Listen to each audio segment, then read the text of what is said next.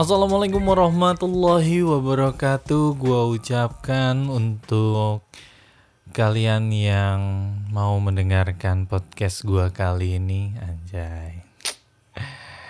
Gue Fahmi, Fahmi Fatur Rahman dan setelah beberapa kali gua podcast bareng temen gua, Kali ini gue pengen podcast monolog sendiri aja karena gue rasa ada beberapa hal yang gue perlu tuangkan dalam podcast gue ini.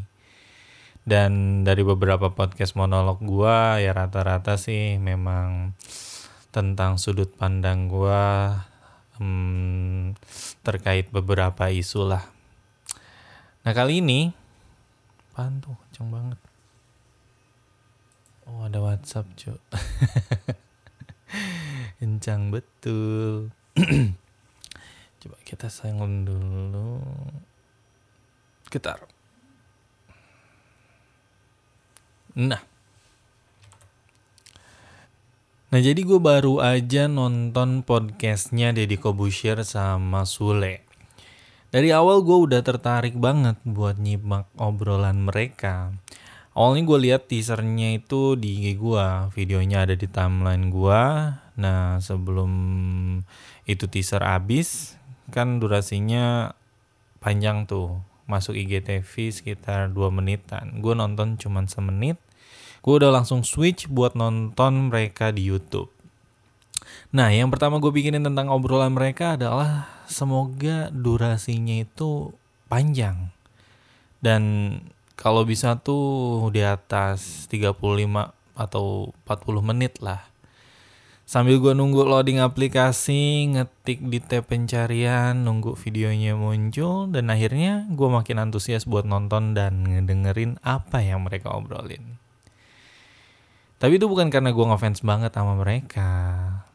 Bukan, jadi lebih ke gue pengen tahu gitu ya orang kayak Sulit dan Dedi tuh ngobrolin sesuatu yang deep tentang hidup mereka gue rasa ini pasti menarik gitu loh. Dari mana gue bisa tahu itu deep atau enggak ya tadi durasinya. Dan semua juga udah tau lah kalau kualitas obrolan tuh kan bisa dilihat dari durasinya. Dan selain itu kalau gue perhatiin eh, podcastnya Deddy Kobusier tuh kan lumayan ngefilter dan selektif. Maksudnya uh, soal apa yang ditayangkan gitu ya. Jadi mungkin sebenarnya yang ngobrol sama Dedi itu lama-lama gitu durasinya. Tapi eh, suka ada yang dipotong-potong dan akhirnya cuma 20 sampai 30 menit gitulah rata-rata. Ya mungkin karena nggak semua orang bisa tetap pay attention sama obrolan mereka yang lama gitu loh. Ya tapi ini sejam ya artinya Om Didit tuh pede kalau video ini bakal banyak yang nonton walaupun durasinya panjang. Bahkan mungkin ditonton sampai habis gitu. Ya, di sini sih sedikit agak ngenes. Total listener atau viewer konten gue terutama podcast aja kadang kalau dilihat rata-ratanya ya dari analitik tuh cuman 4 sampai 6 menit rata-ratanya. Padahal kontennya lebih dari 30 menit. Ya bukan berarti semua orang nontonnya cuma segitu. Ya mungkin ada aja yang nonton sampai habis. Itu juga ketebak siapa lah. Istriku tercinta. Makasih ya Bu udah mau dukung aku. Tapi kalau dirata-ratain emang kebanyakan pada skip. But anyway, cukup dengan cerita malangnya. Balik lagi sama kontennya Dedi dan Sule. Selain gue ngarep buat durasi yang lama, gue juga berharap ada hal yang bisa gue ambil buat dijadiin referensi. Entah tentang cerita kehidupan mereka, tentang gimana Sule bisa sampai sukses lah, pokoknya apa pun.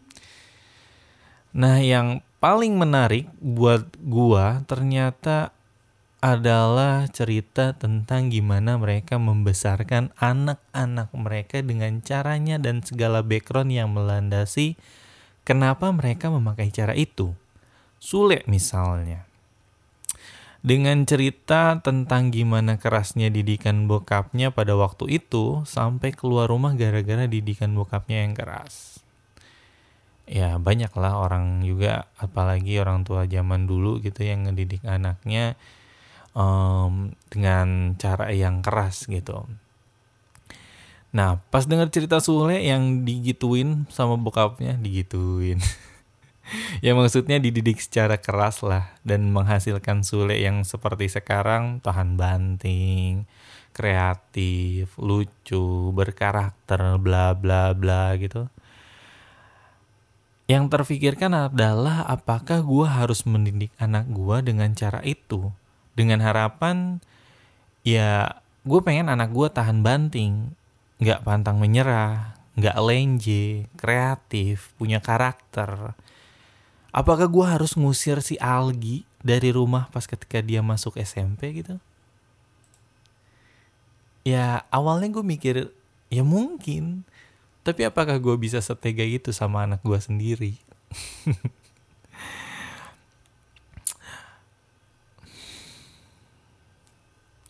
contohnya aja ya. Hari ini tuh gue di WA foto tisu ada darahnya sama bini gue ya kaget dong. Gue tanya itu darah apa? Terus katanya itu darah mimisan karena istri gue ditabuk pakai remote TV sama anak gue sampai berdarah. Nah di situ sebenarnya gue bingung harus ngerasa kayak gimana.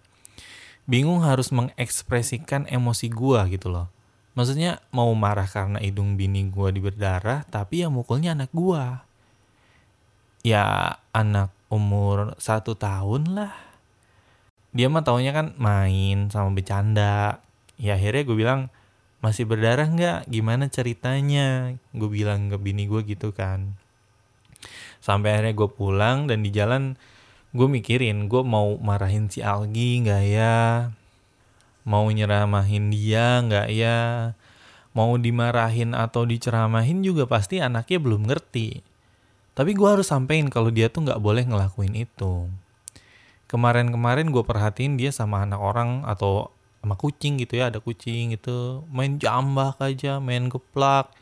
Ya gue ngerti dia maksudnya nggak jahat atau galak. Dia cuman nggak bisa ngontrol tenaganya aja nah pas nyampe rumah anaknya udah tidur ya udah selamat tuh kan Nah diceritain lah kronologinya sama istri gue. Jadi ketika mereka lagi sibuk masing-masing gitu ya, bini gue uh, lagi rebahan, dia kan uh, the queen of rebahan. Terus si Alginya main sendiri, mainin remote TV, tiba-tiba anak gue ngedeketin mamanya, terus main hajar aja hidungnya, berdarah lah. Hidung istri gue maksudnya.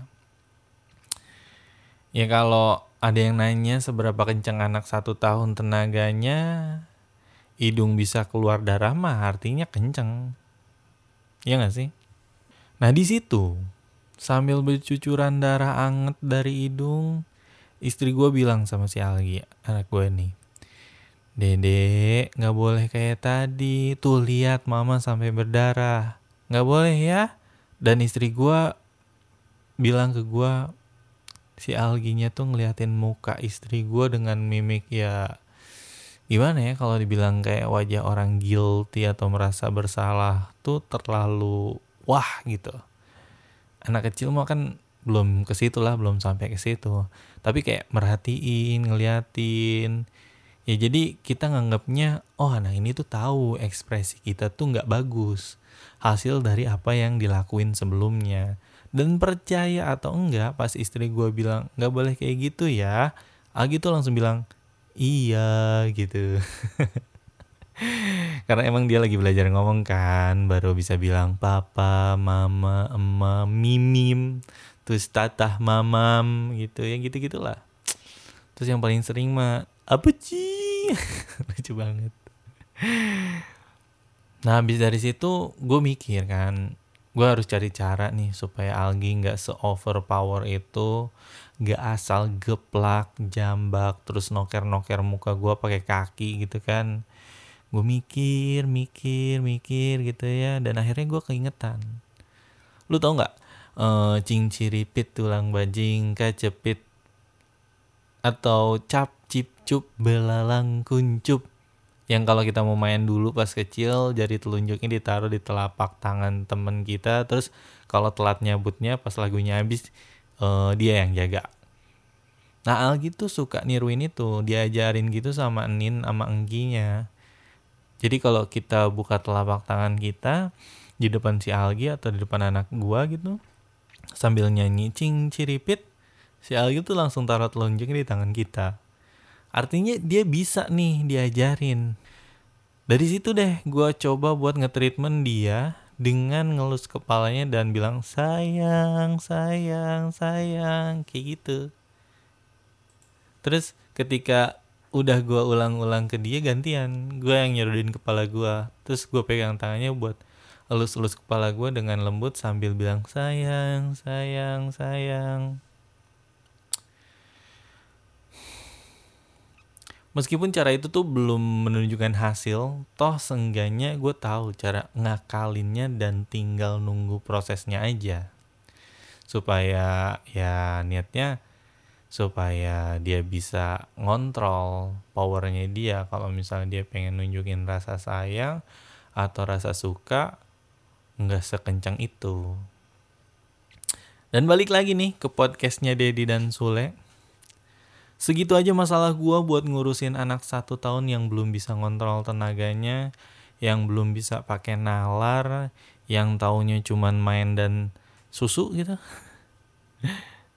gue kebingungan harus ngatasinnya gimana. Ya emang sih, nanti kita bakal nemu caranya seiring waktu. Justru yang jadi concern gue bukan itu, tapi lebih ke tepat atau tidaknya treatment kita sama si anak kayak tadi misalnya Sule gitu ya yang digalakin dan dikerasin sama bokapnya. Waktu itu keadaannya emang kayak gitu bokapnya Sule kan tukang bakso ibunya tukang warung punya uang cukup buat makan aja. Ya artinya di situ bokapnya Sule nggak klise gitu. Oh, ada apa ya realistis lah bahwasanya dia nggak bisa ngejanjiin atau ngasih yang muluk-muluk buat si Sule beli sepeda buat anaknya aja bekas. Udah gitu dijual lagi kalau ada yang nawar harga lebih tinggi dari modal dia bangun sepeda itu. Ya, kita mah mana tega ya gitu sama anak. Tapi dengan kerasnya bokapnya Sule, sedikit banyak mempengaruhi Sule jadi seperti saat ini. Yang jadi pertanyaan adalah apakah di zaman sekarang gua yang punya kepengen tadi gue pengen anak gue nggak lenje nggak pantang menyerah tahan banting harus pakai cara kayak bokapnya Sule? Apalagi kata apalagi katanya anak sekarang tuh katanya nggak bisa dikerasin. Bahkan gue dikasih tahu temen gue kalau sama anak tuh nggak boleh ngomong jangan. Bayangin nggak boleh ngomong jangan bagi gue itu tuh WTF banget. What the gimana coba nggak boleh ngomong jangan? Anak gue lagi ngorek-ngorek tanah terus dia mau masukin tangannya yang kotor ke mulutnya. Ya respon normalnya. Gue bilang Algi jangan dek. Kan kotor. Tapi kata jangan itu harus dieliminasi dari kalimat gue ya sulit lah ya gimana dong gue udah terlanjur tahu kata itu. Dan kata itu tuh udah kecatat di KBBI juga. Ya jadi gimana gue mau nggak bilang jangan sama anak gue intinya gue butuh sih kata jangan ini. Kalau kita mau ngajarin sesuatu yang boleh atau tidak kan kita harus ngasih tahu yang boleh, yang baik, yang bisa dilakukan tuh apa dan opposite-nya apa gitu. Nah buat mengenalkan semua kan pasti butuh banget gitu kata jangan. Nah ini nggak boleh dipakai. Ya bingung aja gimana. Jadi setiap mau ngelarang si Al gitu jadi kepikiran gitu. Nggak boleh ngomong jangan. Pakai apa ya? Kalimatnya diganti. Sampai segitunya. Poinnya adalah ini sangat kontradiksi dengan ceritanya Sule yang dibesarkan sama orang tuanya pada zamannya. Sama kita yang mau ngegedein anak kita di zaman ini nah dari podcastnya Dedi sama Sule gue jadi ngeh kalau pada dasarnya kita nggak bisa membandingkan mana yang lebih baik. Antara didikan zamannya orang tua kita waktu kecil, zamannya kita waktu kecil, sama didikan kita ke anak kita di zaman yang sekarang ya beda lah. Beda zaman beda kebiasaan beda kondisi dan situasi juga kan berpengaruh makanya kalau bagi gue yang tepat adalah harus dinamis. Pola didikan anak pertama sama anak kedua seringnya juga pasti beda. Karena biasanya kan anak pertama tuh pas lagi zaman zamannya rumah tangga baru gitu ya secara kondisi pendewasaan orang tuanya juga belum sempurna belum lagi keadaan materinya juga berpengaruh kayak misalnya aja anak pertama kan kita kayak baru punya motor gitu kepanasan kehujanan naik motor bareng-bareng anak kedua udah punya mobil zamannya anak pertama masih ngontrak, anak kedua, ketiga udah punya rumah sendiri. Yang kayak kayak gitulah, gue ngerasa ngaruh sama kita buat ngedidik anak. So, gue akan masih mencari cara yang terbaik buat mendidik anak-anak gue. Semoga gue bisa menerapkan treatment yang paling tepat untuk anak-anak gue. Satu yang pasti, gue akan nekenin posisi gue ke mereka. Selain gue bapak mereka, kepala rumah tangga, pemimpin keluarga, gue juga sahabat mereka. Gue Fami, undur diri. Wassalamualaikum warahmatullahi wabarakatuh dan sampai jumpa di podcast berikutnya.